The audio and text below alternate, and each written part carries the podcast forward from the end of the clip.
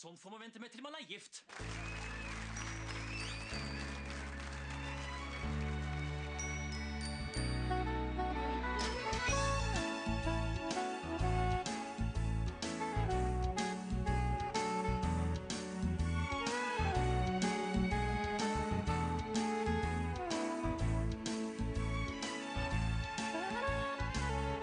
Hei, velkommen til en eh, ny episode.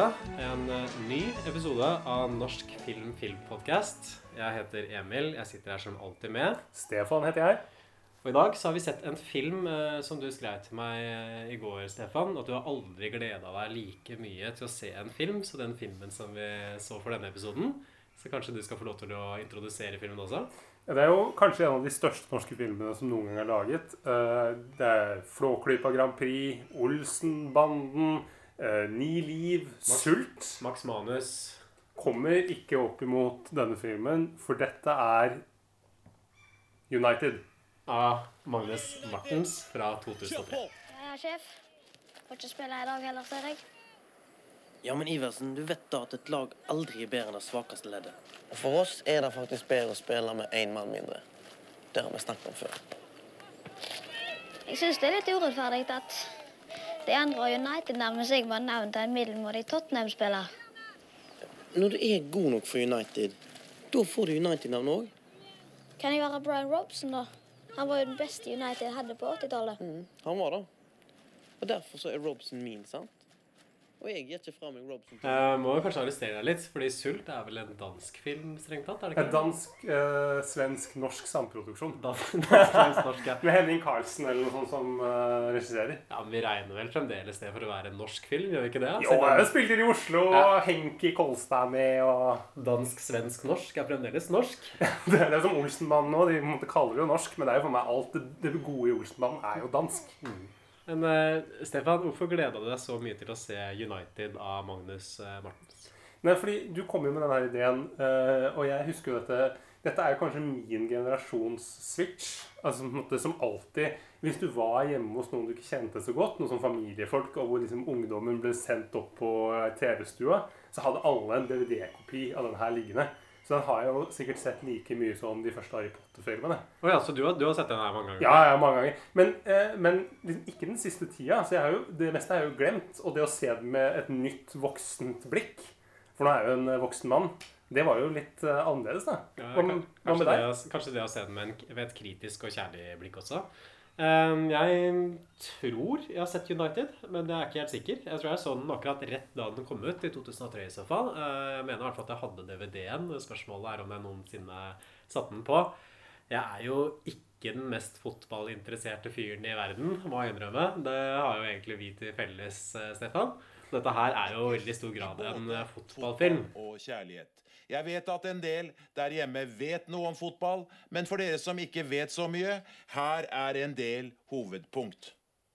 Dette er en fotballspiller. Jobben til fotballspilleren er å få ballen inn i mål. Dette er Old Trafford. Her jobber et lag som heter Manchester United, og de er de beste fotballspillerne i verden. Derfor får de best betalt, og de får de flotteste damene.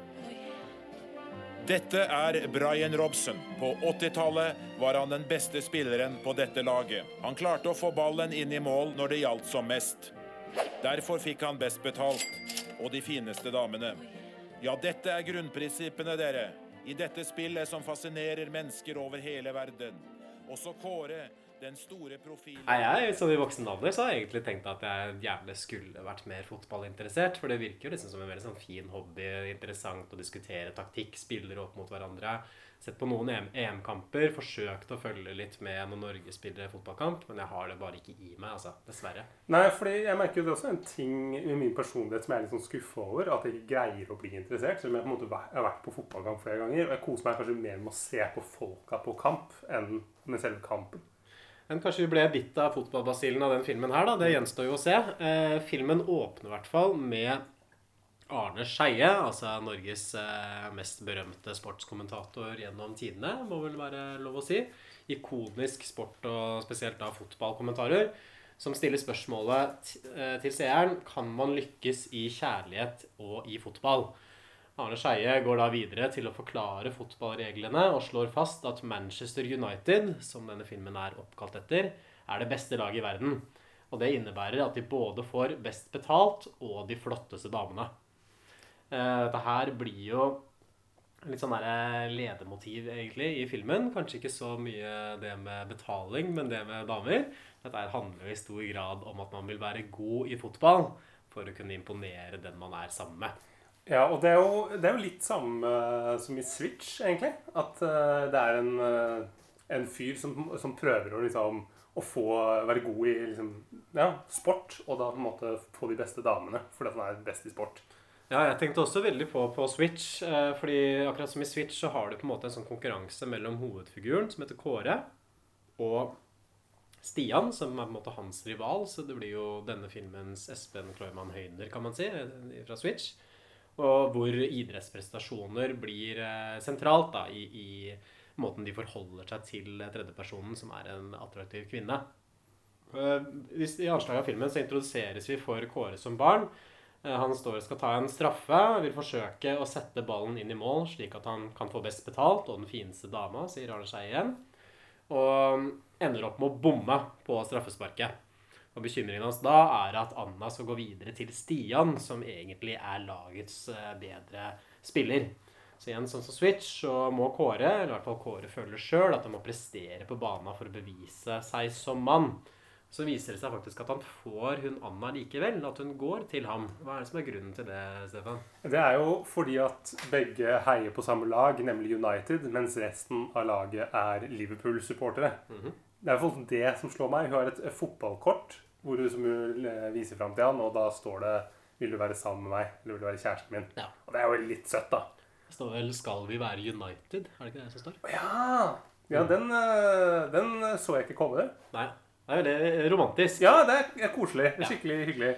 Og så eh, da går vi, Det er en, en vignett, og så går vi vel rett videre til liksom, Nå har disse her blitt voksne, og nå bor de i en eller annen sånn stygg sokkelleilighet eh, ved Europaveien.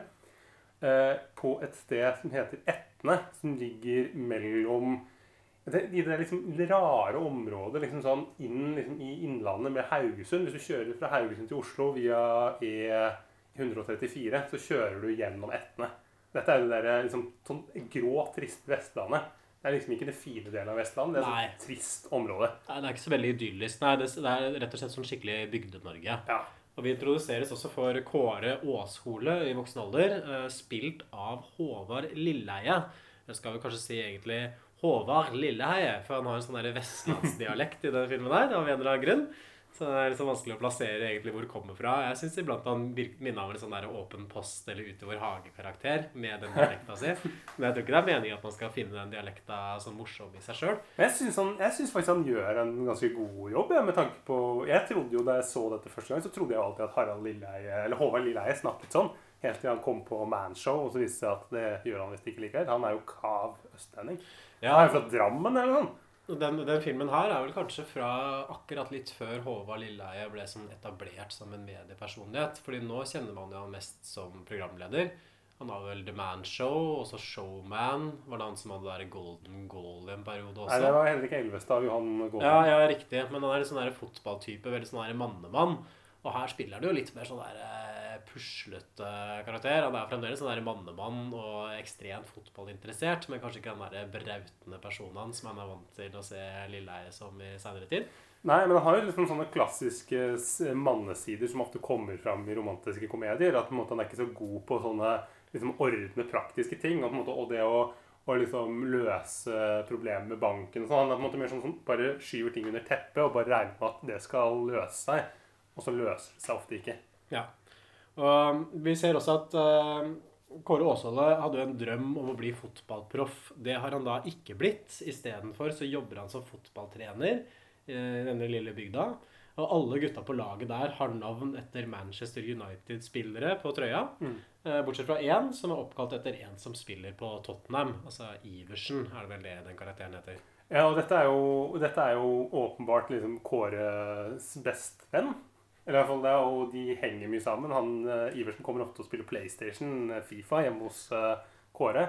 Ja, han Iversen er vel sånn 11-12 år, det kan du også presisere. Ja, seg. det er en veldig, en veldig ung venn. Men uh, Kåre er jo bare Han er også bare, han er bare 25 år, så det det er jo ikke så OK, halv uh, Omtrent uh, dobbelt så gammel, da. Ja. Men, men uansett, det er en sånn veslevoksen type med sånn tvers over sløyfe som går i sånn de, Han får jo aldri, han får aldri spille på laget der. Han bare henger liksom bare følger med på spillet. Ja, ja, han sitter på benken i den der Tottenham-trøya si og er liksom ja, eh, litt sånn der utskudd, men samtidig som han også er eh, måte Håvard Lilleeies eh, fremste kompan da, gjennom filmen. En slags sånn mentor, en sånn ekspert på kjærlighet. Der hvor Håvard Lilleheie svikter, der kommer Iversen inn med liksom livsvisdom om, om kvinner og sånn. Selv om Ja. man virker ikke som han har så mye erfaring med jenter.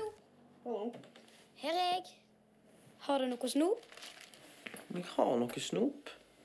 Vi får se, da. Jeg har nå bare dette her, jeg. E145. Diamanten. Denne kan du grave opp om tusen år, og han smaker nett like godt. Kjøpte på Englandsbåten. Og denne lille jekelen. Han ser uskyldig ut, men han er proppfull av E177. Så hvis du eter for mye av denne her, så vil du dø av kreft. Ja, han har samme liksom plottfunksjon som det Gard Eidsvoll hadde i Ja. Kvinneliv. Eh, og Bare at han ikke er blind. Bare at han ikke er blind, men i stedet for altså et barn. Eller som han er, hva heter han som alltid glemmer navnet på, han som spiller i, han i Notting Hill, vet du. Han som bor sammen med Hugh Spike? Ja, Spike Ja. I, i Notting Hill. Nei, Spike er jo ikke noen mentor i Notting Hill.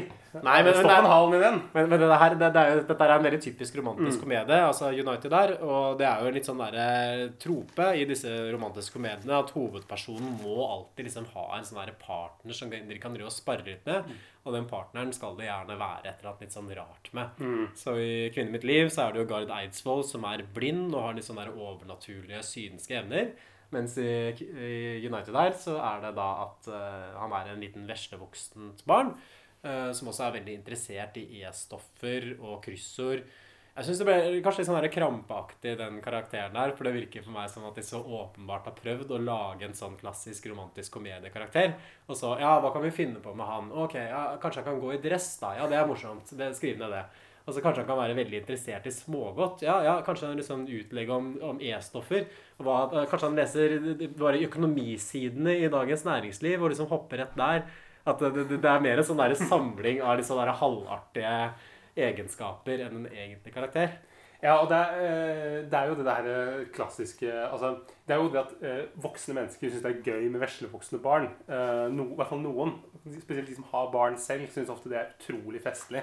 For meg syns jeg også det er en irriterende karakter som de jeg kunne bare latt være.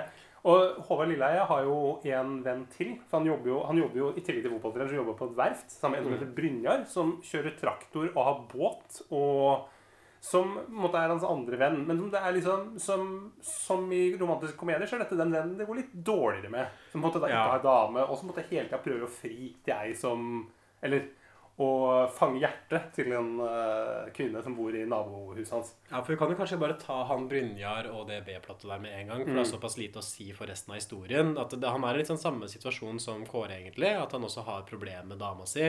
Frykter at dama skal forlate han. Men de er ikke sammen. De er ikke sammen, nei. Nei, nei, nei. De bor i hvert sitt hus. Ja, så dette er en dame han forsøker å få på Ja, ja, ja. ja, nei, nei. Men de har noe gående, først, da. men de har noe gående, og så mister hun interessen.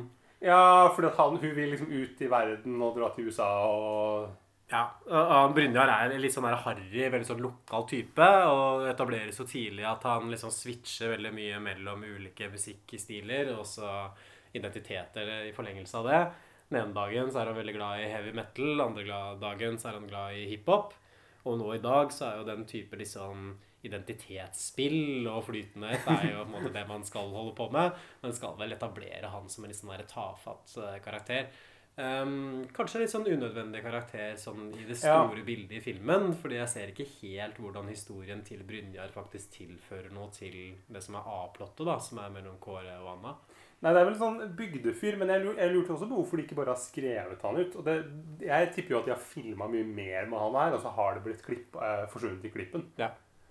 Men det, det store spørsmålet her er jo at eh, de bor jo i denne sokkelleiligheten, Anna og, eh, og Kåre.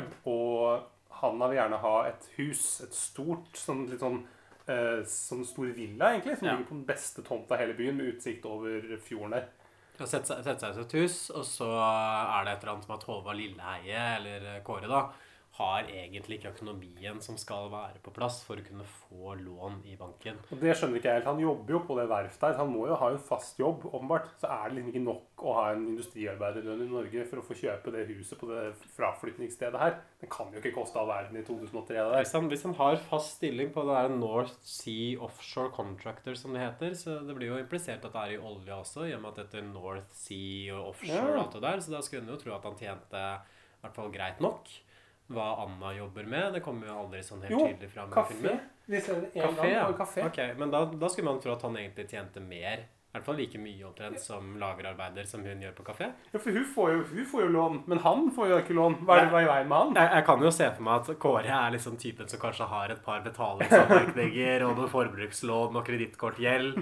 At det er liksom sånn hjemme i stua deres. Han er jo helt sånn manisk opptatt av Manchester United, han fyren der. Og spesielt da en spiller som heter Brian Robson. Han har liksom gått så langt at han har skrevet 'Her bor Brian Robson og Anna' under ringeklokka deres. Sånn inne i stua så har han liksom masse plakater av Manchester United. Han har sånn trefigurer av laget Manchester United stående oppå TV-en. Eh, vekkerklokka hans er 'Glory, Glory, Man United'. Så jeg tipper at han har tatt opp jævlig mye hjelp på et tidspunkt. Dratt til England for å se Manchester på Old Trafford, eller hva det er. Og så sitter tynt i det økonomisk pga. fotballhobbyen. Ja, og han kjøpte, kjører jo også en sånn minibuss. Han kjøpte jo også en minibuss for sparepengene sine. Mm. Så den, den har sikkert også kosta litt. Og, det, og bensin og alt på den, det blir jo fort noen kroner, altså. Men nå, nå, nå kommer liksom den der, det som setter plott i gang her. For du har Stian, altså rivalen fra fotballbanen i starten av filmen. Han kommer tilbake til bygda. Nå er han spilt av Vegard Hoel, som er en skuespiller som jeg ikke hadde noe sånn spesielt forhold til. Kjent du- fra Mongoland. Ja, ja, ja, stemmer det. Ja, han spiller Mongoland. Ja, han ble, han ble oppdaga i Mongoland. Han har spilt i Tomme tønner og mye annet. Døde liksom nylig. Altfor ung, dessverre. Han, jeg synes jo Så han, trist. ja, han, er, jo- han, er, han er jo en god skuespiller. Ja, for Han en ikke så verst eh, rolle som, som Stian her. Og, og, og Stian er på en måte alt det som eh, Kåre ikke er. Altså Stian har tatt høy utdanning, han har flytta til Oslo, han har blitt rik, han har en slags sånn lederposisjon i North Sea Offshore Contractors. Mens eh, Håvard Lilleheie, eller Kåre, bare er lagerarbeider. Og vi får også en sånn derre- sånn innslag her som jeg egentlig satte veldig pris på. Fordi man får en sånn liten sånn klipp med Arne Skeie som gir en innføring i nyere norsk økonomisk historie. Og i hvert fall den lille finanskrisa i Norge som var på 80-tallet. Hvor han eh, starter med å liksom, si forskjellen på hjerte og kalkulator. Altså Norske banker på 80-tallet de delte ut altfor mye lån. De tenkte med hjertet. Og eh, så kom det en smell, og da måtte vi gå tilbake til kalkulatoren igjen og stramme inn på boliglånene. Så det er egentlig ganske korrekt gjengivelse Den er veldig fin, av, altså. av den historien her. Og um, Håvard Lilleheie er i banken der, og da kommer jo også et annet litt sånn artig innslag her. fordi hvem er det som sitter som bankansatt? Det er jo selvfølgelig Harald Eia. Ja. Som spiller Harald Eia. Med litt sånn rare lyder og Han spiller en slags sånn sketsj. Ja, det føles jo veldig sketsjaktig ut Ja. med en gang Harald Eia er alvorlig karakter. Han greier jo ikke å spille seriøst. Bankvesenet er sterkere enn sitt svakeste ledd, og de svakeste i banken er ofte de med det største hjertet, og de kan gi lån på bakgrunn av Skjønn. Her skårer du ualminnelig høyt. Så høyt som jeg vel med hånden på hjertet ikke kan si at jeg har opplevd noen kunde har gjort før. Du har en uh, umotståelig, gutteaktig sjarme. Men uh, tallene skriker mot meg her, og jeg, jeg beklager. Du kan ikke ta og regne en gang til, da? Se på tallene en gang til. Jeg tror du kunne gjøre det. Kanskje? Ja, ja. Ja, ja, får gjøre det.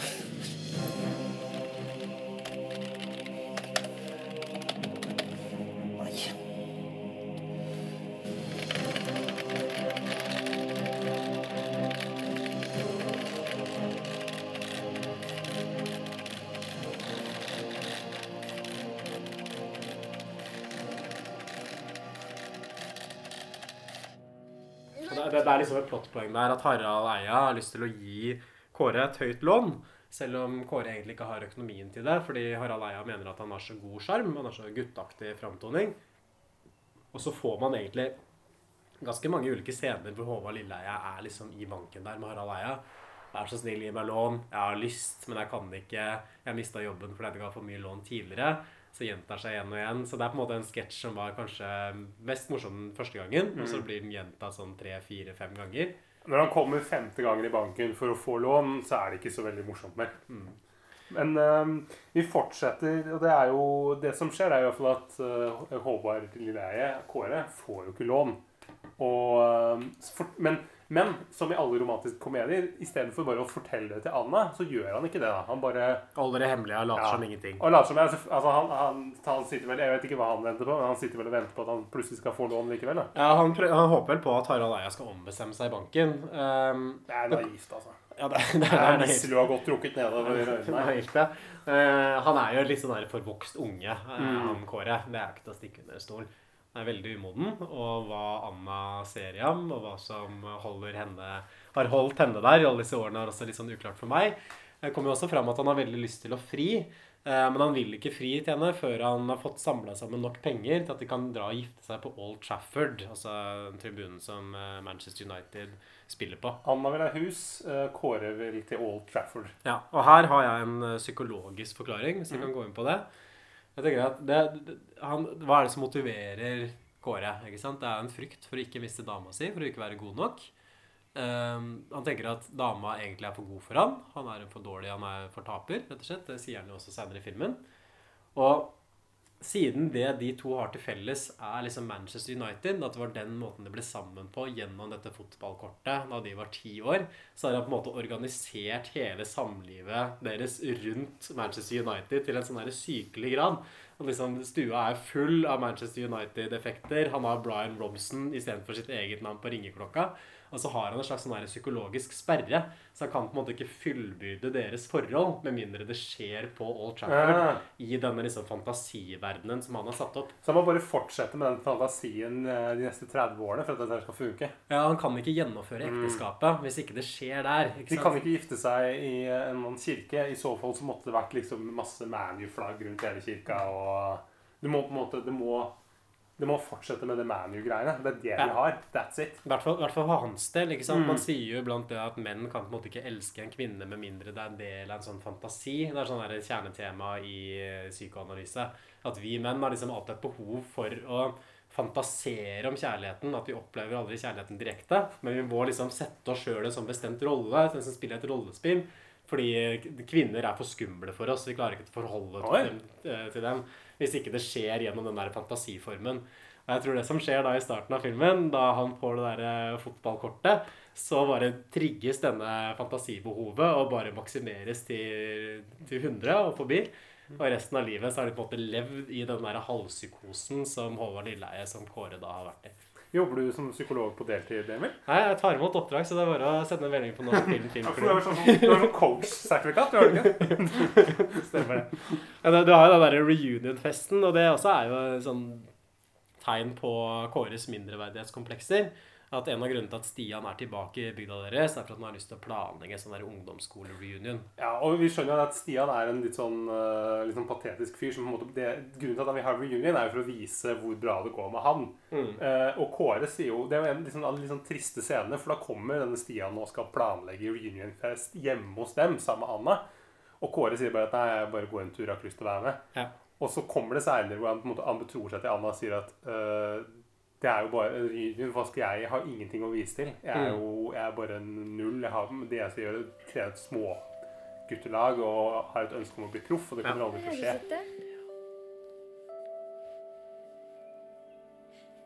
Du, Stian har jo virkelig kommet seg. Syns du ikke det? Han er så mye hyggeligere nå enn han var før. Du har ikke tenkt å spørre meg, da? Hva jeg syns om denne reunionsfesten? Du vet hva sånne fester går ut på? At alle bare skal skryte av hva de har blitt til? Hva skal jeg skryte av, da? At jeg skulle bli fotballproff? Så endte jeg opp på ræva mi i en jævla trøkk. Det er imponerende. Du går eh, Han, han sier det. Jeg, jeg, jeg skulle bli fotballproff. Istedenfor så endte jeg opp på ræva i en uh, trøkk. Og da mm, tar Anna, som egentlig er veldig god mot han, syns jeg, som på starten av filmen i hvert fall, god kjæreste for, eh, for Kåre, Og de har en sånn greie på veggen der, sånn der bra mann-skala, hvor de justerer liksom hvor god Håvard Lilleheie er som kjærester, basert på ting han gjør, da. Ja, det er fra 1 til 10, og så er det liksom forskjellige bilder ved, ved tallene. Så liksom på nummer 4 så er du Saddam Hussein, og på toppen så er det vel Brian Robson, da. Så Ja. du måtte gå utenfor skalaen. Jeg tror Brian Robson er på nummer 11, faktisk. Ja, sånn nummer 11, ja. over Gandhi og ja. Ja, Gud eller Jesus eller Mm. noe sånt. Så er jo, det er jo høydere å være med der. Ja, man får en sånn morsom scene hvor det liksom går gjennom de ulike måtene som eh, Kåre har imponert på og drept seg ut. Det er noe greier med at han har glemt en middag, så har han lagd eh, kjøttkaker, og så hadde han brukt noe penger på å dra på tur som han egentlig ikke skulle. Er sånn, sånn, de der friske, friske innslagene i filmen som jeg egentlig likte litt, altså. Og det, ja, og det eh, jeg må bare skyte inn, for det er jo det veldig mange norske filmer mangler. Det er dette krydderet for å etablere karakterene som interessante. Som på en måte framstår som unødvendig, men hvor man, som man her greier å få inn. Sånn at vi får, at det ikke bare blir denne liksom, tamme kjærlighetshistorien som vi har hørt før, men sånne morsomme innslag innimellom. Som er klippa raskt, og som på en måte tar, tar kanskje et halvt minutt å redegjøre for denne skalaen. Og det er gull verdt. Så det kommer liksom voiceoveren til Arne Skeie Mm. inn igjen, så da er det så litt sånn der filmatisk snert og sånn tekst over skjermen, så Det, er litt sånn, det var litt nytt i liksom tidlig 2000-tall. Det er liksom den dataeffekter. Det er litt sånn powerpoint-aktig. Med liksom lysbilder og sånne ting. Og litt sånne lydeffekter. Ja, for det jeg så på rulleteksten, er at eh, Bård og Harald, altså Bård Tufte Johansen og Harald Eia, har vært manuskonsulenter på den filmen der. Så jeg mistenker kanskje at en del av de elementene er det de som har lagt inn. Og spesielt da selvfølgelig Harald Eias karakter, regner jeg med. Mm. Men også kanskje de der små elementene som fortellerstemmen til Arne Skeie. Arne Skeie brukte det jo på Lille Lørdag på en ganske god måte, som vi snakka om for noen episoder siden. Så kanskje det er liksom der, det krydderet som de to har tilført, da. Ja, fordi det er jo det jeg merker. at Det er jo en av, det jo en av få norske filmer som, måte, som, som faktisk er morsom. Jeg syns oppriktig den er uh, morsom. Jeg, og jeg husker at den også traff som ungdomsfilm. Men jeg, jeg syns faktisk den er altså, Den er liksom finurlig, og, og det, er litt, det er litt gøy å se på den. Vi introduseres også for eh, den russiske treneren Ivan, som er spilt av ingen ringere enn Henrik Mestad. Ukrainsk, faktisk. I disse dager er det ja. viktig å ja, det, få, det, det, eh, ja, viktig, viktig presisering. Og bakgrunnen for dette her er at Håvard Lilleheie har lyst til å realisere drømmen om å bli fotballproff. Eh, Både pga. prestisje, men også litt fordi han har lyst til å få økonomi for å kunne betale for det huset. Så han forsøker å få seg, eh, få seg eh, spillejobb på Fredrikstad, er det vel?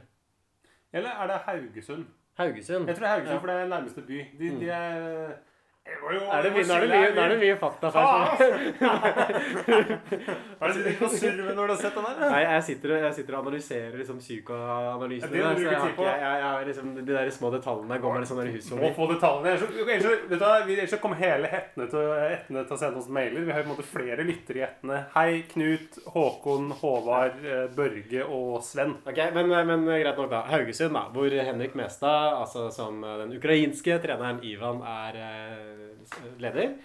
Og han er litt sånn skeptisk først, han Ivan. Eh, Kåre får en sjanse på laget og må trene seg opp. At han liksom ser etter et sånt talent da, i Kåre etter at han setter et sånn spark i tverrleggeren. Mm. Sånn, for oss som ikke er så veldig uh, dyktige på fotball, liksom så fotballkompetente, det er kanskje vanskelig å anslå for oss om filmen forsøker å etablere det at Kåre faktisk har et sånt fotballtalent som er noe utenom det vanlige. Jeg syns jo de, de straffene for meg ser jo veldig bra ut. Det er på en måte med sånn tydelig skru også i tverrleggeren. Det er veldig dataanimert også, Ja. så det er jo i hvert fall såpass bra at de måtte fikse på det ettertid. for Det er, men det er kanskje, de kanskje har en stand-in fra Haugesund som, som skyter det her. Ja, men, da, men da ville du ikke trengt å dataanimere det. Du ser på ballen at den liksom skrur på en sånn unaturlig måte. Ok. Ja, det, det, det la jeg faktisk ikke merke til. Jeg som er så god på Det er sånn data. detalj som du, du ikke sa, så vi, Fornøyd vi, glipper, glipper det tar vi begge to her. Men, men jeg tror i hvert fall at man skal liksom tenke at ja, han ble kanskje ikke fotballproff og spilte for Manchester United, men han kunne på en måte ha gjort det. Ja. At han er det kaliberet spiller. Jeg tror også man skal tenke at han er en god og kompetent trener. At på en måte, fotball er på en måte det han har å komme da. Ja, han er litt der at Jeg tror bare han mangler litt på initiativet. Det er som den der banken, at han, han, greier ikke å, han greier ikke å følge opp selv de enkleste ting. Han er mer over sånn som flyter med strømmen. Og Derfor er han der. Derfor er han liksom juniortrener. Ja. Han måtte tør aldri satse. Han er litt sånn tafatt type, rett og slett. Ja. Denne, mm, denne Ivan-karakteren spilt av Henrik Mestad er jo veldig sånn datert. Uh, altså snakker, det er liksom Veldig mye av humoren i det her ligger jo at han sier ting feil. Uh, i, altså, liksom, eh, du har vondt på hodet, og at eh, og respekt Og det er veldig den derre det er liksom typisk sånn tidlig 2000-tallshumor som jeg ikke syns står seg så veldig godt nå, selv om Henrik Mestad er en god skuespiller. Hvorfor du står og kikker meg på trynet? Det heter på trynet, ja? Eller i? I trynet. I trynet? Hvorfor? Du står og kikker. Jeg har hørt at dere trenger folk. Hvem du er agent for? En bruker telefon til å ringe istedenfor å komme og forstyrre på trening, nei? Altså, jeg er agent for meg sjøl, kan du si. Hæ? Altså, jeg er min egen Jeg forstår helt tipp topp hva du sier. Derfor jeg sier hæ? eh, dere trenger folk, sant? Det sto i Vi avisen. trenger ikke folk. Vi trenger fotballspillere. Ja, men altså, Bare gi meg en sjanse, så, så, så skal jeg vise deg hva jeg kan. OK? Du skal vise hva hva du kan. Ja. Jo, klart du skal få sjans. Min venn, du skal få sjans. Og mora di skal få sjans. Og bestemora di skal få sjans. Og hvis du har fandens oldemor, og oldemor skal spille spiss på cupfinale, og hele jævla Silda Fischer skal få sjanse å spille Hei! Respekt. Det er jo også veldig mye som går på at han er liksom paranoid. At han er så sånn grov og vulgær, snakker om Mm. mora. Så greit nok at uh, treneren er liksom ukrainsk, men det leser jo veldig som en sånn russisk parodi. Kanskje litt sånn utdatert russisk parodi. Ja, også, sånn til og med på den tiden. Ja, men det er paranoia-greiene. Det spiller vel på Sovjetunionen og KGB, regner jeg Mm. med. Så um, Ja, han, går i sånne, han går i sånne skinnklær innimellom. Og liksom, du, han mangler bare en sånn, der, sånn baskerlue på, på huet og sånn. Det blir veldig ja, veldig datert, da. Vi får i hvert fall etablert liksom det som blir filmens hovedhistorie her. At uh, Kåre forsøker å bli proff for å imponere Anna og få penger til å kjøpe det huset. Stian forsøker å stjele Anna fra Kåre, sånn i bakgrunnen, uh, mens han holder på. Og nå går vi liksom inn i det der sedvane, liksom treige midtpartiet som jeg syns at nesten alle filmene vi har sett, sliter med. er et eller annet med det at etter alle brikkene er lagt, ikke sant? etter alle karakterene er etablerte og plottet begynner å rulle, så syns jeg alle filmene så godt som, eh, kanskje spesielt den som vi snakka om eh, for et par uker siden, nemlig Uno, begynner å slite veldig med pacingen. At de klarer liksom ikke å fylle filmen. Hva er pacing for noe? Ja, pacing er liksom noe med rytmen som driver filmen. Altså En film har et sånn visst tempo, tenker man. Og noen ganger så vil man at tempoet skal være høyt, og andre ganger kan det være greit liksom å skru ned tempoet litt, så det, ting går litt treigere. Men sånn jevnt over så burde man ha et tempo, eller sånn pacing, da, som gjør at det liksom oppleves som en ehm, ja, hva skal jeg si, som en engasjerende opplevelse hele veien. Og det kan jeg ikke si at United helt får til. I hvert fall ikke Oi. for meg.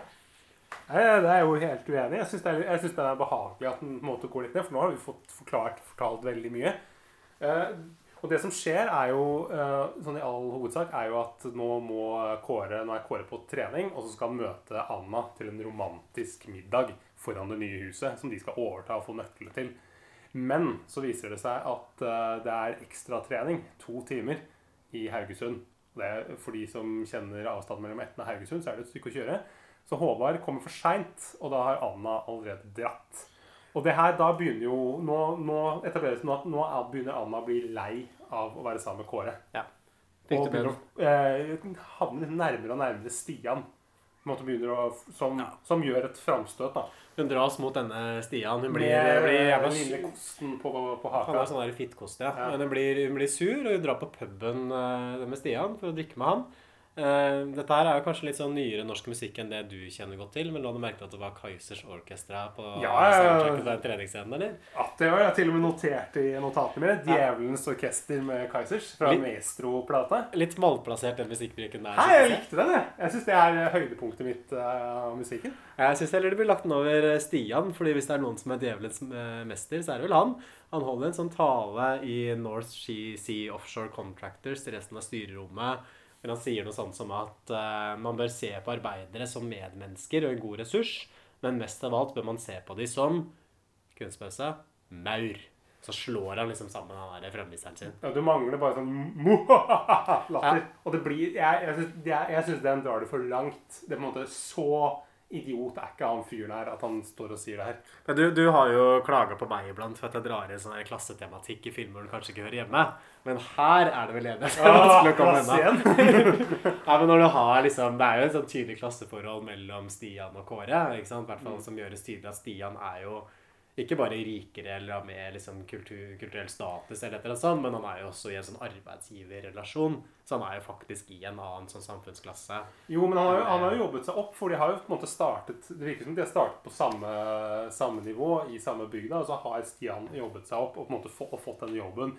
Men han er jo fortsatt Det er kanskje ikke så mye kulturell kapital der. Han bor i et lett sånt der ferdighus fra 70-tallet med sånn derre Liksom, og det, grunnen til at han tok jobben, var at han fikk jacuzzi. Ellers hadde han aldri sagt ja til å jobbe der. Så det er den nyrike typen, dette her. Han har økonomisk kapital, ja. Han Ja. er pengesterk, og han sitter også i en vaktposisjon. Og det er jo en scene litt sånn seinere i filmen også hvor Håvard Lilleheie eller Kåre da, sitter i bilen der, og så kommer Stian bort. Mm. Husk at jeg kan gi deg sparken når som helst. Det er helt opp til meg om du har en jobb eller ikke.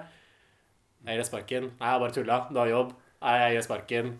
Og så må Kåre jo bare sitte der og ta det. Og der har du ganske tydelig eksempel på den der kapitalmakta som borgerskapet har over arbeiderne, nemlig det å kunne holde tilbake og gi ansettelsesforholdet sånn som de ønsker det. Rett ut av, rett ut av varks. Ja, men Det er bra at du fant glede i det her, Emil. Det... Nei, det er liksom, det, det er liksom i Flåklypa Grand Prix også. fordi det er jo sånn som han Blodstrupmoen i Flåklypa. Ja, det er samme karakteren. Ja, han er jo Mm. utflytter. Nyrik. ikke sant? Glemmer hvor han kommer fra. Kommer tilbake til stedet. Nå skal på en måte han være konge. Mm. Mens de folka som har bodd der hele veien, sånn som Kåre og Reodor Felgen, da, ikke sant? de blir på en måte lagt ned i skyggen. Hva faen er det som skjer? Hvorfor får alle sparken? Det fantes noe brev i posthylla di, gjorde det? Altså Skal du huske hvem som har makta her? Sjekker du posthylla di i morgen, får du kanskje sparken. Har du jobb, eller har du sparken? Det er opp til meg, det. Ja, du har sparken. Nei, bare tuller. Du har jobb. Nei, du har sparken. Ja, du har jobb. Nei, du har sparken. Nei, du har jobb, du har sparken, du har jobb, du har sparken, du har jobb. Nei, vet ikke jeg. Ja, det, men, men det som også mangler med denne Stian-karakteren, er at han er jo ikke så veldig raffinert liksom, i språket. En, en fyr som måtte, hadde, hadde vært litt glupere, liksom, hadde hatt høyere sosialkapital, ville jo kanskje liksom gitt faen i å kalle liksom, de eh, arbeiderne for maur. Det er på en måte for det er, det er på en måte det er for direkte. Det må være litt mer raffinert. Litt mer raffinement her. Ikke, ikke så direkte. Det er mer sånn Donald Duck, det her. Ja, Selv jeg som er såpass skeptisk til Mm. liksom økonomisk overklassen, tror ikke det er sånn man faktisk står og snakker i, i styremøter. I hvert fall ikke når man står og presenterer, kanskje på bakrommet etterpå. Men og det En feil til denne Stian gjør, er jo at han, altså, han prøver seg på Anna, men han sier jo faktisk opp faren hennes på det verftet der. Eh, Veldig ustrategisk, ja. Ja, det tenker jeg. For faren må jo gå rett hjem til eh, liksom, kona si nå har Stian sagt meg opp. Jeg, jeg, jeg har ikke så veldig sansen for han. Når liksom Stian nettopp har sagt at han skal stå på arbeidernes side. Så det her er jo utaktisk. Og faren er jo spilt av Ole Jørgen Nilsen, eh, som er en sånn klassisk norsk skuespiller. Spilt mye i Olsenbanen, blant annet. Henchman og sånn. Også kjent fra Hotell Cæsar. Litt sånn stivt ganglag. Jeg vet ikke om han er østfolding, men han, har liksom, han prøver liksom å imitere en sånn Østfold-dialekt. Men ikke vet helt om han får Her i denne filmen? Ja, i denne filmen ja. Ja, men hvorfor? Fordi Håvard Lilleheie snakker jo den der vestlandsdialekta si. Det man gjerne kritiserer på norsk film, er liksom ok, du har en familie, og faren snakker nordnorsk, og mora er fra Bergen, og så har du liksom to, to sønner. Han ene er fra Kristiansand, og andre er fra Oslo. At det er en sånn der dialekt eh, som ikke stemmer overens med hverandre fordi at det er så få skuespillere i Norge. Og det har de jo på en måte tatt konsekvensen her, at Håvard Lilleheie faktisk skal snakke vestfoldsdialekt. Liksom, ja, med at liksom, Noe av greia er at han er fra dette stedet. Ja, for den har, han har tydelig vestlandsdialekt. Anna har tydelig vestlandsdialekt. Faren hennes er da østlending. Vi møter jo aldri mora. Så det kan jo være at dette er en innflytter som tenkte som ble samme dame som kom fra Etne, flytta tilbake dit. Men da skulle jo en annen hatt østlandsdialekt, eller i hvert fall en mer sånn Men det kan jo være at uh, Ole Jørgen Nilsen har bodd der i 30 år. Og på en måte fordi han fikk den fine jobben på uh, North Sea Contractors. Ja, i, hvert, I hvert fall tilbake til Stian. At han forsøker liksom å kjøpe seg en hele veien. Han gir en sånn 200-lapp til han Iversen, han lille kompisen til Kåre, for at han kan gå og kjøpe seg godteri eller noe. Han avslører for Anna at eh, Kåre ikke har fått det lånet likevel. Liksom frister henne med utdanning og tur til New York. Tenk det, du. Å friste damer med utdanning, da, gitt! Det er utspekulert.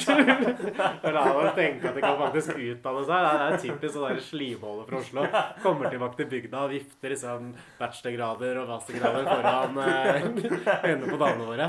MBAs og BAs, eller hva det er. Det er klart at hun ikke skal gå på noe universitet. Eh, Det skaper, det skal, alt dette her skaper en voldsom krangel mellom Kåre og Anna, og forholdet er vel liksom over, egentlig, etter at Mm. boliglånsgreiene kommer ut. Du sier det vel direkte og fordi Kåre prøver å fikse, få til en eller annen middag og be om unnskyldning, men det holder jo ikke denne gangen. da. Det var ikke som med kjøttkakene forrige gang, at det glatta over. Denne gangen så krevet mer enn sånn Fjordland mikromat for å redde forholdet. Ja. Det er slutt. Men igjen, jeg føler at her er uh, filmen uh, blir litt sånn repeterende, egentlig. For du får på en måte noen sånn ulike scener. Du har én scene som går det på at Kåre er hos Harald Eia og forsøker å få lån. Harald Eia vil, men sier nei. Det er liksom den første. Det er en annen scene hvor Kåre er på trening og får kjeft av Henrik Mestad med denne ukrainske, russiske aksenten sin.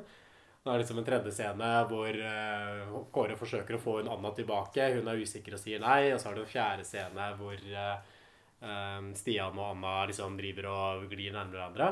Og disse scenene her bare gjentas igjen og igjen og igjen, nesten på en sånn loop. For det er ganske sånn korte hver for seg. Så det kommer liksom sånn tre, fire, fem stykker, eller sånn varianter av hver av disse liksom, Mm. sjablongscenene. Som gjør at filmen eh, ja, begynner å miste litt av den sjarmen som jeg følte at den hadde på starten. Ja, jeg tror jo jeg tror jo at det er ment liksom, At det er ment for å illustrere at nå går alt i dass her. For nå begynner Kåre liksom, han, eh, han gjør det dårlig på trening. Han som du sier, han får nesten Han blir vel, han blir vel så å si sagt opp fra laget? Eller gjør Ja, han ble, han ble sagt opp av gutta som spiller for henne. Ja, fordi de vil, ha, de vil ha at Anna skal komme med Pepsi Max. Og hvor er Anna med puppene og liksom denne Pepsi Maxen som de har så lyst på? Ja, for Hun pleier å gå liksom ut og dele ut uh, Pepsi Max på trening, og så bøyer hun seg ned liksom i utringning, og så alle gutta driver og sikler. der. vet du. Wow! Du? Jeg, jeg tror faktisk filmen er sponsa av Pepsi Max. Hæ? Sier du det? det? De Tror du drikker, det? de drikker Pepsi Max og de har annenhver scene. Så det er Pepsi Max og PlayStation og gin, da. For Ja, for sitter jo det- og velger med gin i den Men- scenen. da. Har du merket det veldig morsomt med eh, PlayStation? Det står jo det inne på fabrikken. Så står det inne på, eh, liksom på rommet en sånn svær sånn bare PlayStation 2-plakat. Ja, men det, det er naturlig, det. Sånn som gutta henger det PlayStation. PlayStation 2. I hvert fall sånne 50- og 60 år gamle lagerarbeidere på starten av 2000-tallet. Tror du Ole Jørgen Nilsen spiller PlayStation 2? Ja, elsker å game. Sitter hjemme. Ja. Ty tydelig, tydelig spons. Ja, uten tvil. Hvorfor vet alle andre enn meg at du har bløffa om dette lånet? Det er sant! Jeg har blitt proff, Anna. Jeg får lån. Se, da. Det er billetter til bykampen min på Haugesund stadion. Dette beviser ingenting. Vi hadde en avtale med. Beklager. Anna!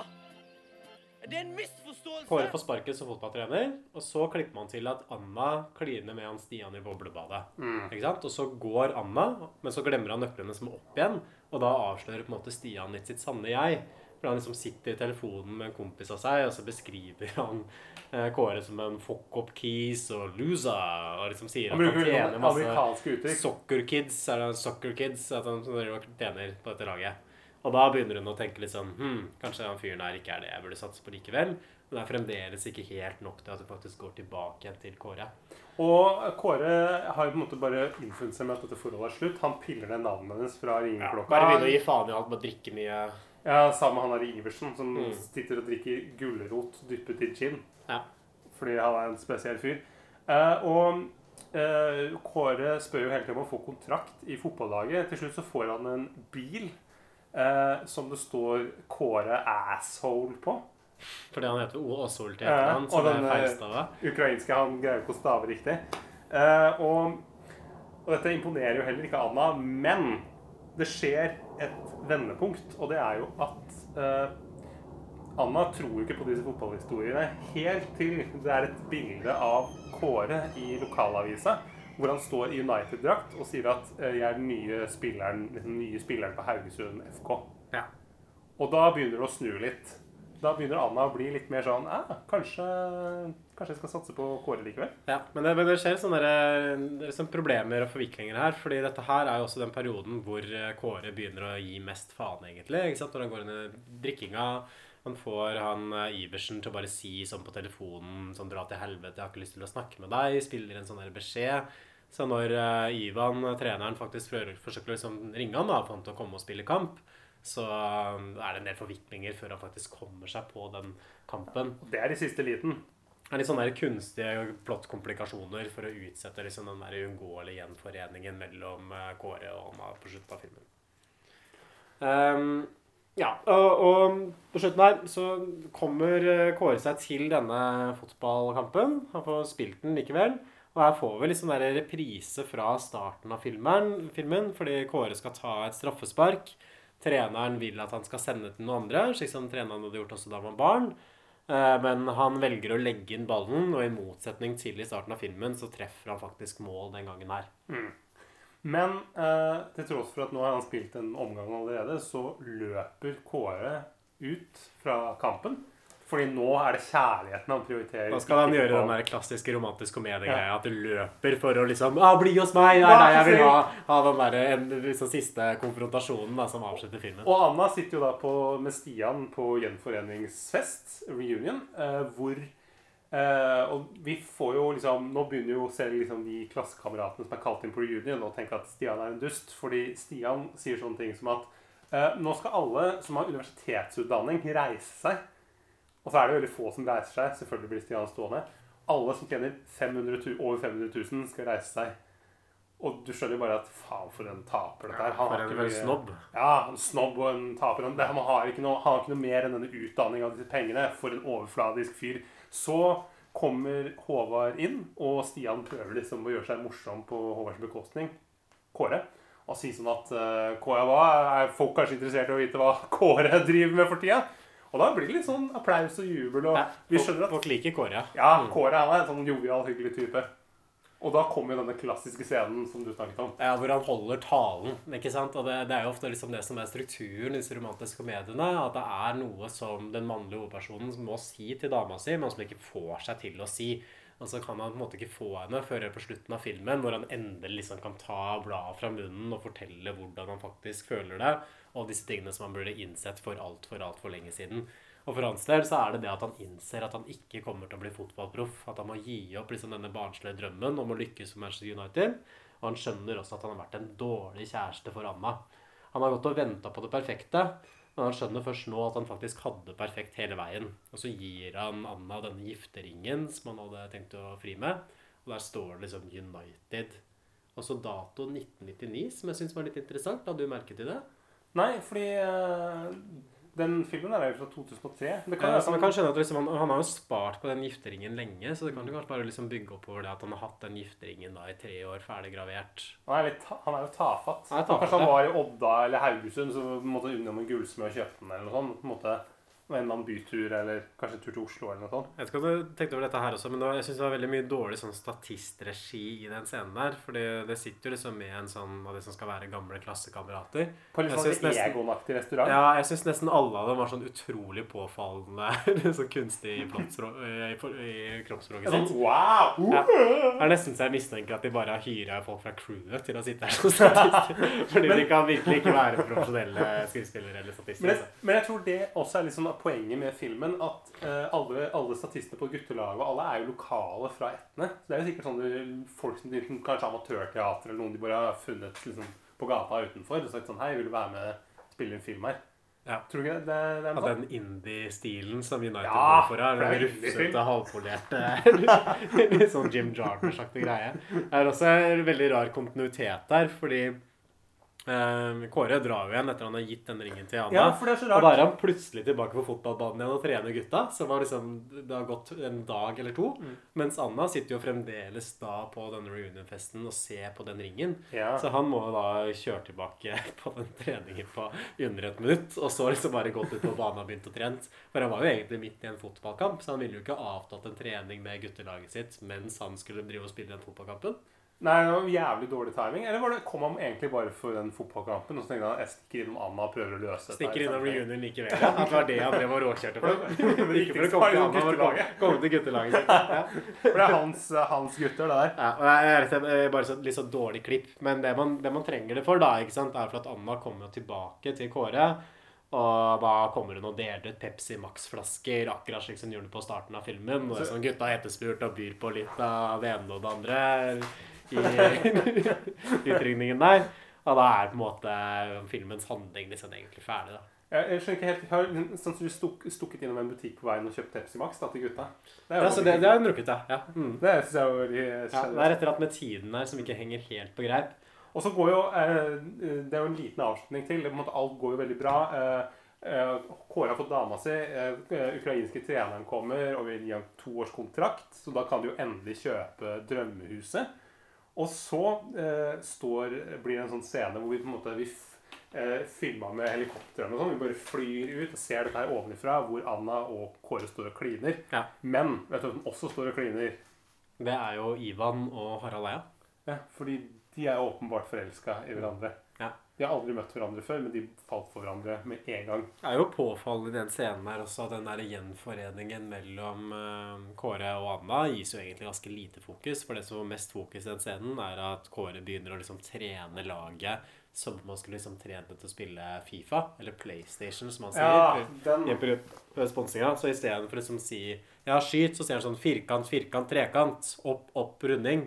Og så får man sånn der ganske lang sånn montasje med de gutta som drar noen helt sånne der sjuke fotballmanøvers. Mens han liksom står på sidelinja der og egger dem videre med disse PlayStation-kommandoene. Og Poenget er vel at han, for at han Ivers er så dårlig at han ikke får spille, men han er veldig god i Fifa. Så hvis han Mm. bare får liksom kommando, Ja, som PlayStation-kommando, så blir ja. han verdens beste Så fotballspiller. det, det er på en måte hans liksom, profesjonelle triumf, da kanskje, som eh, fotballtrener. Han har revolusjonert fotballen. Der. Altså, er jo på en måte, tenk om Åge Hareide eller uh, Teitur Torlasson hadde greid å komme på det der.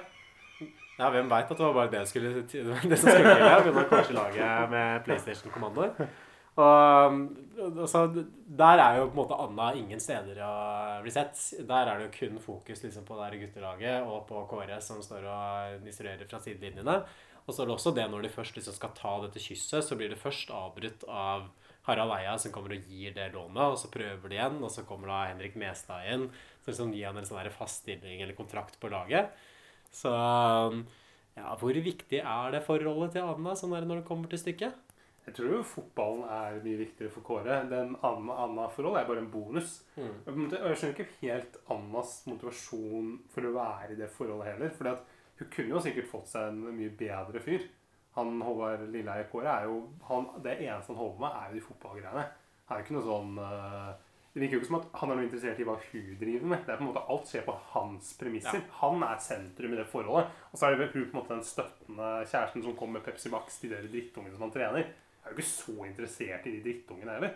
Nei, det kjønnspolitikken i den filmen der, liksom kjønnsperspektivet, er jo ikke bra. Og det kommer jo også tydelig fram i liksom Arne Skeies voiceover, som kommer inn og avslutter filmen igjen, og sier at fotball og kjærlighet er det viktigste i verden. Men viktigst av alt er kjærligheten. Nå går jeg hjem til kona mi, som sitter og venter, og det burde du gjøre også. For kona det er jo sitter ing- alltid og venter. Hun er parkert på kjøkkenet, Ja, og det det burde sånn. du, som den mannlige seeren, som ser den filmen her, mens kona di bare sitter og venter på at du skal komme tilbake.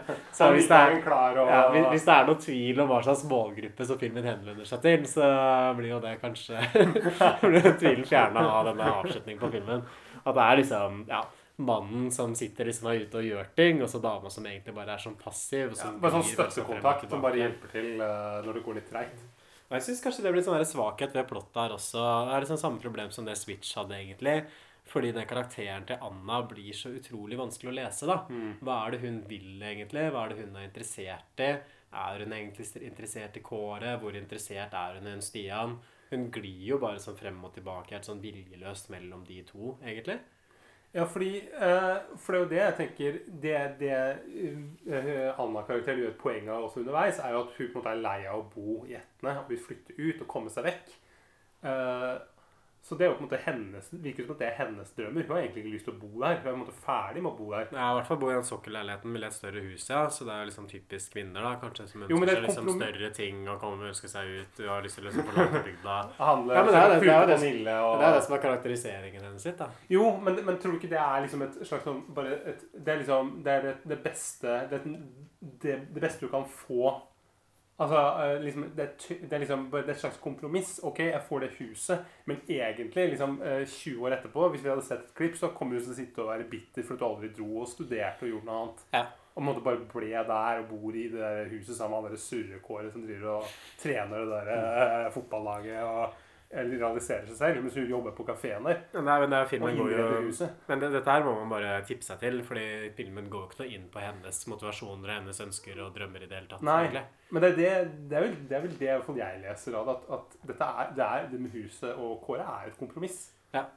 Jeg tror også det er et eller annet med hun som skuespiller, at man kan jo si mye fint om Berthe Rommetveit, eh, sikkert, men eh, sånn spesielt sterk skuespiller er hun nok ikke. Hun spiller liksom bare Jeg vet ikke, jeg syns det er ekstremt vanskelig å liksom, sette fingeren på henne. Så de ulike scenene At det er noe sånn veldig sånn off. Sånn når man ser på sånn amatørfilmer iblant, hvor du skjønner at det ikke er sånn godt instruerte skuespillere. Så da er én skuespiller som sier én ting, og så klipper du den andre, og så virker det som de svarer på noe helt annet. Så rytmen i scenen blir liksom rar. Og det syns jeg alltid det blir mellom henne og Håvard Lilleheie. Håvard Lilleheie er jo heller ikke noen god skuespiller. Da ser jeg han liksom stå i tillegg og måtte snakke på den der vestlandsdialekten. Det gjør det jo bare enda rarere. Så man klarer vel aldri helt å kjøpe at de har så veldig god kjemi sånn seg imellom. Nei. Øh, og, og det er jo som du sier, det er, det er eh, Fordelen ofte i sånne filmer er at du har én sterk skuespiller i, et, i det forholdet. At det er én svak part. Sånn som øh, i uh, Kvinnelig liv med Anna Torp og Thomas Giertsen, ja. Så, så jevnes det ut på en måte. Du, du kjøper det, men her er det to veldig svake skuespillere. Jeg vet ikke hvem, hvem av dem som er svakest, egentlig. Jeg syns kanskje Håvard Lilleheie er, liksom, eh, Lilleheie er på en måte minst sjarm av dem. Mens hun Berthe er bare ja, helt sånn grå og Jeg syns Håvard Lilleheie flyter mer på sin naturlige sjarm, men det kan jo også være for at jeg har sett Håvard Lilleheie i andre sammenhenger og egentlig Ja. liker ham litt, for å være ærlig. Som liksom alltid, aldri hatt Ja. noe imot ham, i hvert fall, som en sånn figur. Jeg er helt sånn nøytralt forhold til han, jeg. Men Håvard Lilleheie har jo vært gjennom sin egen litt sånn der United-historie, fordi kona hans eh, ble jo sammen med Eivind Hellstrøm. Ja! Så dette det er her kan man jo kanskje se litt sånn kontekst av filmen. Men det ble jo seinere. Det var jo mye seinere. Ja, det var mye senere, men det er jo litt sånn men Eivind, Eivind, frampek da i filmen. Eivind Hellstrøm er på en måte Stian, da, i, som kan friste liksom ikke med tur til New York nødvendigvis, men tur til Lyon Bordeaux liksom fine viner. Du kommer bare på vinhavn og sennepnavn. Dijon. Nei, um, nei så, eh, det, er, det, det blir sånn et problem i skuespillet, kanskje særlig for hennes del, altså dessverre. At det er, det er en såpass viktig karakter i filmen også, og det hun ønsker seg og hennes motivasjon er en så viktig del av plottet, at når det på en måte blir såpass utydelig og diffust, så ja, så faller jeg litt av. Og filmen har jo liksom et litt sånn amatørpreg. fordi det er jo, jeg synes jo det er veldig Det er jo, det er jo brukt mye amatørskuespillere. Disse barna, han der Iversen og sånn, er Ja, amatører. forferdelig. Ja, han er helt, eh, Ja, helt skikk, skrekkelig. skikkelig irriterende. Sånn veslevoksen Ja, det er sånn der, det er mitt, liksom, mitt verste mareritt er å havne liksom, på et eller annet eh, familieselskap og ha han som Ja. bordkavaler. Grusomt å sitte ved siden av sånn. Nei, jeg tror ikke skuespilleren gjør jeg, jeg, pro, Hovedproblemet er måten rollen er skrevet på. Men jeg tror Ja. ikke liksom, skuespilleren gjør noe særlig bedre. At Da skal liksom alltid komme de sånne små gullkornene. Med Det er han som egentlig er den smarteste av de, men også som er en sånn der sær type. Som ikke kan gå eh, på do uh, hos Kåre. Og det er så Ja. mye sånne Han er sånn, litt sånn Elling Light. Eller du skjønner hvor han måtte Ja, komme ja, ja, ja. Mm. kommer til å bli sånn her bygdeoriginal når han er voksen. Mm. Ikke skyt. OK, greit. Ha det. Oh, da var det ute av verden. Kåre, det lukter jo alkohol av munnen din. Se denne her. E166. Får svetten ut av kroppen. Og så har han jo en ekstrem laksatorisk effekt, da. Kødda. Faen, du er en sjuk unge. Det er du jo, Kåre. Ja, og det, det gjelder jo resten av skuespillerne og Det laget er liksom samme problemet. Altså, jeg Det er jo to gode skuespillere her. sånn generelt. Jeg synes, altså Henrik Mesas rolle blir liksom for det blir for karikert uh, med den der dialekta. De to sterke skuespillerne det er uh, Vegard Hoel som Stian. Og så er det selvfølgelig Ole Jørgen Nilsen som Men han Ole Jørgen Nilsen han er jo bare med i kanskje fem minutter av filmen. Du, kan ikke, du kan ikke trekke han fram det så sterkt. Ja, men det er ikke Han nok går å kommer, når, eh, når eh, Håvard Lilleheie kommer inn til han, han går med sånn eh, bygning, sånn hjelm inne, sånn som du har på verftet. At han selv om han er hjemme, så går han med den der hjelmen inni i huset sitt. Nei, dette her er bare for at du har sånn der forskrudd norsk filmhjerne at du tenker at det er en god skuespillerprestasjon. er- Altså, det, er ingen, det, er ingen, det er ingen som ser den filmen som merker seg hver karakter. Han er nesten ikke med. Du kan ikke, du kan ikke trekke fram det som en styrke. Han kommer jo på den kampen til eh, når de spiller mot Haugesund og Ja, sitter og røyker rullings og gjør noen sånn få replikker her og der. Han er ikke, han er ikke så veldig mange replikker i Olsenbanden heller. Han er vel kjent for å være veldig stille som skuespiller. Ja, ok, ok. ok. Men må Nei, vi får, komme mikk. Ja, bare bli enige om bare bli enige, tror jeg. Men jeg, jeg tror ikke man kan si at han er Hva heter han? Nilsen? Ole Jørgen Nilsen. Ole Jørgen Nilsen, at det er et sånn salgspunkt. Han er nok ganske Han langt nok- ned på rulleteksten. Jeg tror ikke han står på filmplakaten heller. Nei, det. Se- United med Ole Jørgen Nilsen.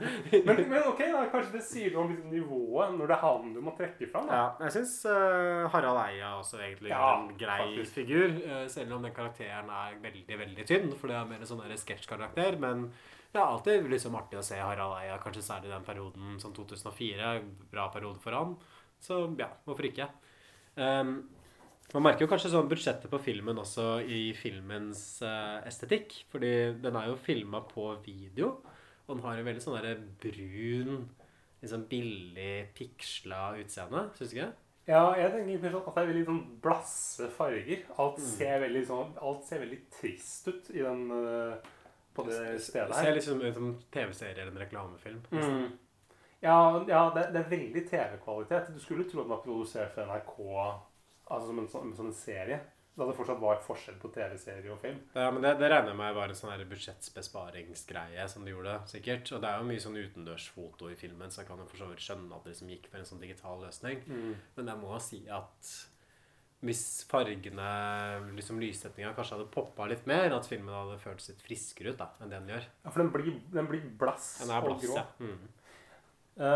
Og-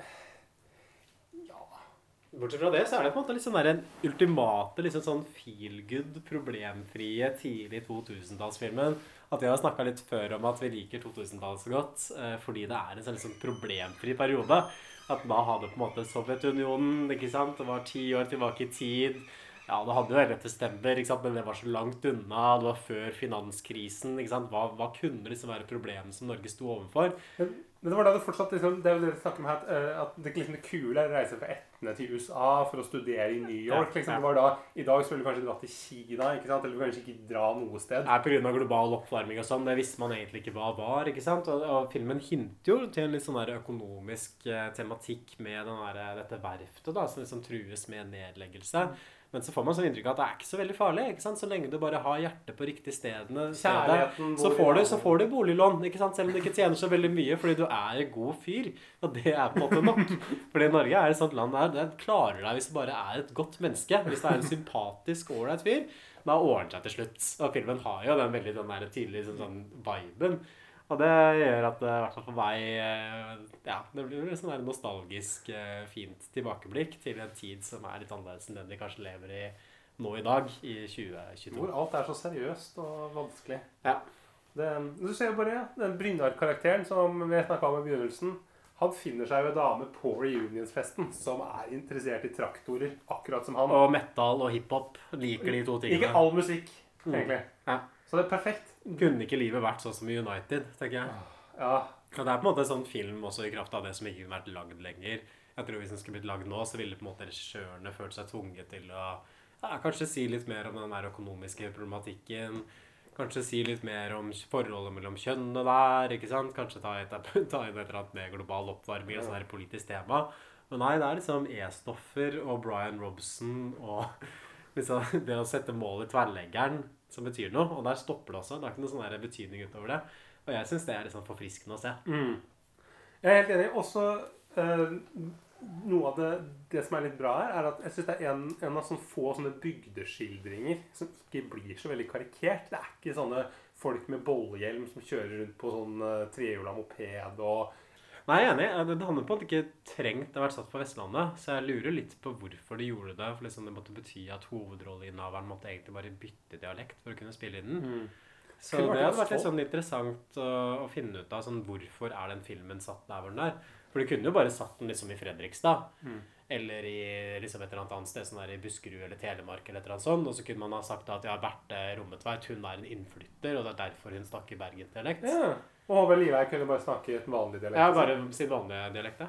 Men tror du ikke Det må jo ha vært noe, at, noe støtte At de tenkte at de får mer støtte hvis vi setter den der? Ja, kanskje det. At At det liksom det løste opp noen støtteordninger. At man kan liksom det som en slags sånn bygdefilm. Bra for distriktspolitikken. Jeg tror jeg aldri har sett en film fra det området der. Altså, det er jo et sånt veldig sånn, en sånn ikke-del av Vestlandet. Sånn Odda, Etne Det Mm. er altså veldig lite sånn definerbart område.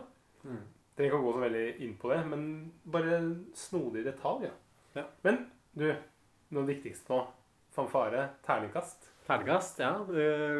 Jeg aner meg at vi kanskje skal i litt sånn der ulike enden av skalaen her, for du elsker denne filmen, Jeg syns den Stefan. er festlig, altså. Så jeg da legger meg på en terningkast tre. Oi! Det synes jeg, da, ok, det var ikke så dårlig, faktisk. Nei, jeg- det, det står nok mellom tre og to. Så Oi, en svak, hæ? en Så svak lavt? treer. Ja, en svak Eh, vet du hva? Jeg, eh, jeg tror bare jeg klinker til og sier terningkast fem på den her. Ja, du har jo blitt helt utvanna på disse terningkastene. Fem til Flåklypa, frem til Lars Monsen. Hva blir det neste? Ja, jeg begynner å bli så, er sånn sjenerøs i hjørnet om dagen, så jeg tenker at det får bare stå til. Dessuten, Ja, er bra, dessuten så er uh, det er, en- det er riktignok en svak. Sentimental gift. Men en sweet femmer. En sweet femmer.